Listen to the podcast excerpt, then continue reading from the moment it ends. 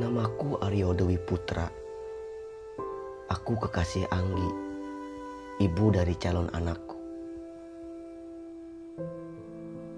Kau mungkin sudah mendengar kisah kami dari Anggi. Dan mungkin kau juga langsung membenciku. Tapi apakah pernah memikirkan tentang bagaimana kalau kau jadi aku? Sebagaimana yang terjadi pada Anggi. Semua peristiwa itu pun sangatlah membekas di hati dan kepalaku. Yang bahkan semuanya itu hampir membuatku menjadi gila. Rentetan peristiwa yang terasa berjalan sangat cepat itu benar-benar membuatku hampir putus asa. Jadi, akan aku jelaskan apa yang terjadi pada diriku yang tidak dijelaskan Anggi. Kesedihanku dan keputusasaanku. Maka, aku akan membagikan kisahku padamu.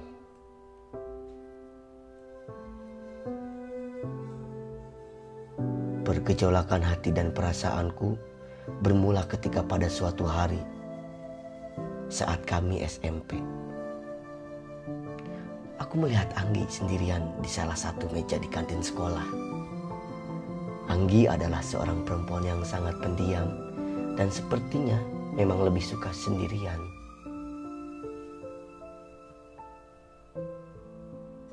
Dia tidak cantik.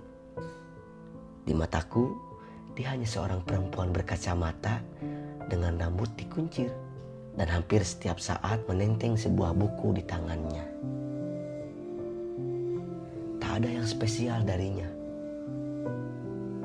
Tapi apalah arti itu semua di hadapan cinta? Di dadaku seperti ada getaran ketika aku melihatnya. Memperhatikannya dan membayangkan kalau-kalau suatu saat nanti aku bisa menjadi kekasihnya. Kau pernah tahu bagaimana rasanya menjadi orang yang selalu memendam dan menyimpan baik-baik perasaannya untuk orang yang disukainya. Begitulah yang kurasakan sekian lama. Sampai kami beranjak ke jenjang SMA. Aku memutuskan untuk masuk ke SMA yang sama dengan Anggi. Itu bukanlah hal yang tidak disengaja. Aku benar-benar mengikutinya. Sampai pada suatu hari akhirnya aku mencoba membuka perasaan yang sekian lama aku simpan baik-baik untuknya. Aku mencoba memaksakan diriku untuk berani menghadapinya. Menghadapi Anggi yang dingin. Singkat cerita, akhirnya kami memiliki kesempatan untuk intens berkomunikasi. Dan aku memiliki kesempatan lebih untuk dapat mencintainya sebagai seorang kekasih. Hari-hari kami begitu menyenangkan. Di balik kesendirian Anggi, dia adalah orang yang sangat periang. Dia sangat mengkhawatirkan nilai-nilai pelajaran, ranking di kelas, dan sangat mengkhawatirkan masa depannya. Anggi adalah seorang perempuan yang sangat memiliki obsesi dan mimpi-mimpi besar. Dia pernah mengatakan padaku bahwa suatu hari nanti dia harus bisa menjadi seorang psikolog. Dia sangat tertarik dengan anak-anak. Katanya anak-anak itu lucu. Mulai dari pola tingkahnya, kepribadiannya, dan cara berpikirnya. Aku sangat kagum. Dan itu membuatku semakin jatuh cinta padanya. Sementara dia memiliki banyak mimpi di masa depannya, aku hanya memikirkan bagaimana aku bisa menjadi seseorang yang terus ada di hati Anggi. Itu saja yang dapat aku pikirkan selama bersamanya. Oh iya, kau juga harus tahu kalau Anggi juga seorang yang sangat menyukai hal-hal lucu. Dan itu ada pada diriku. Katanya itulah hal yang membuatnya nyaman. Ketika aku berkelakar dan menceritakan hal-hal lucu, dia merasa dibangunkan dari keterpurukannya, memikirkan begitu banyak tugas sekolah. Kau tahu, entah kenapa hal itu membuatku semakin bahagia. Ketika kau merasa dibutuhkan, diakui, dan dianggap berguna bagi seseorang, kau akan merasa bahwa dirimu sangatlah berharga bagi seseorang itu. Itulah yang aku rasakan selama aku bersama Anggi.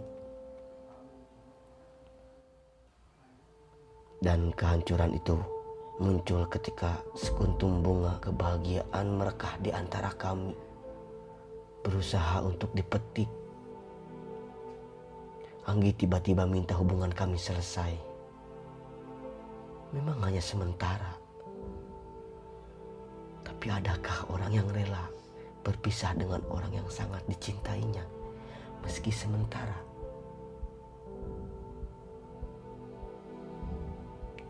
Aku sama sekali tidak rela jika apa yang aku perjuangkan, apa yang paling membuatku bahagia harus hilang dari dekapan tanganku. Kau boleh menganggapku orang yang keras kepala. Terserah, bagaimanapun aku memiliki sikapku sendiri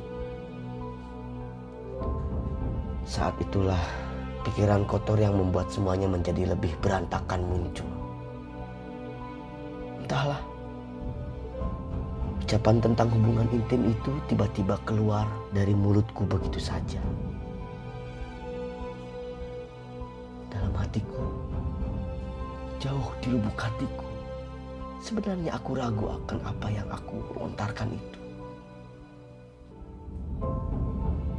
kebuntuan yang aku alami, keputusasaan yang ku alami, kekecewaan yang terlanjur kurasakan, mendorongku untuk meyakinkan Anggi bahwa itu adalah jalan terbaik. Padahal setelah hubungan intim itu terjadi, kepalaku seperti ingin meledak. Beribu kali pertanyaan tentang apa yang telah kulakukan menumpuk dan memenuhi isi kepalaku. Saat itulah kali pertama aku melihat Anggi begitu merasa sedih. Dan aku tak dapat melakukan apa-apa. Seketika itu pula aku merasa bahwa aku adalah orang yang paling bersalah sedunia. Di luar sepengetahuan Anggi, aku menangis dan sangat hancur setelah semua itu terjadi katakan pada diriku sendiri. Cinta macam apa yang tega menghancurkan orang yang seharusnya dijaganya baik-baik. Tapi pikiran seperti itu hanyalah bertahan sementara. Hingga akhirnya kami melakukan hubungan intim itu berkali-kali. Lagi dan lagi. Yang tiada di antara kami hanyalah kebiasaan-kebiasaan yang sering kami lakukan selama berpacaran. Dengan kata lain, kami memutuskan untuk terus berhubungan tanpa adanya hubungan pacaran. Seperti yang diinginkan Anggi juga orang tuanya. Ketika aku mendengar bahwa Anggi hamil, dunia seperti digoncang oleh suatu kekuatan besar. Aku tak dapat mempercayainya. Aku bingung dan tak tahu harus bagaimana. Satu-satunya yang terlintas dalam pikiranku adalah menggugurkan kandungannya itu. Ya, itu adalah jalan teraman satu-satunya yang menjadi pilihan. Tapi aku setuju dengan Anggi bahwa hal itu adalah yang paling jahat dan jahanam. Kami dilanda kebingungan yang sepertinya tak akan pernah dapat teratasi. Di masa sulit seperti itu, siapa pun pasti butuh waktu untuk sendiri. Bukan, bukannya aku hendak untuk melarikan diri. Tapi pikiran dan bayang-bayang bahwa aku sebentar lagi harus menerima kenyataan sebagai seorang bapak muda cukup membuatku ingin bunuh diri. Ya, aku tahu kalau Anggi kadang datang ke rumahku. Tapi yang kulakukan hanyalah bersembunyi. Selama itu pula aku sangat kesal, benci pada diriku. Aku melihat Anggi seperti melihat kehancuran yang telah perbuat. Anggi beberapa kali menyambangiku di sekolah. Kami sempat berbicara tentang pengguguran kandungan itu. Yang ada di kepalaku adalah berbagai banyak pertimbangan. Aku sadar bahwa anak itu adalah darah dagingku sendiri. Dan membunuhnya adalah suatu kesalahan. Tapi menerima kenyataan dan jujur akan keadaan ini adalah hal konyol bagi kami. Saat itulah kebodohanku muncul, yaitu meninggalkan semuanya dan mencoba lari dari kenyataan yang sebetulnya aku sendirilah yang membuatnya. Aku tak menyangka bahwa Anggi akan melakukan hal yang membuatku semakin terpukul dan semakin tak dapat menerima kenyataan. Untuk kedua kalinya, aku kehilangan Anggi. Dan kini aku sadar bahwa aku benar-benar kehilangan Anggi untuk selama-lamanya. Hal itu sama sekali tak membuat diriku baik-baik saja. Sungguh. Beberapa hari setelah kematian Anggi, aku belum dapat menerima kenyataan itu. Penyesalan, kehilangan akan terus aku rasakan seumur hidupku. Hingga di suatu sore, sehabis pulang sekolah, aku duduk di bangku yang dulunya ditempati Anggi. Aku beranggapan bahwa dengan cara itu, Anggi bisa melihat penyesalanku. Anggi bisa melihat betapa aku sangat hancur telah kehilangannya.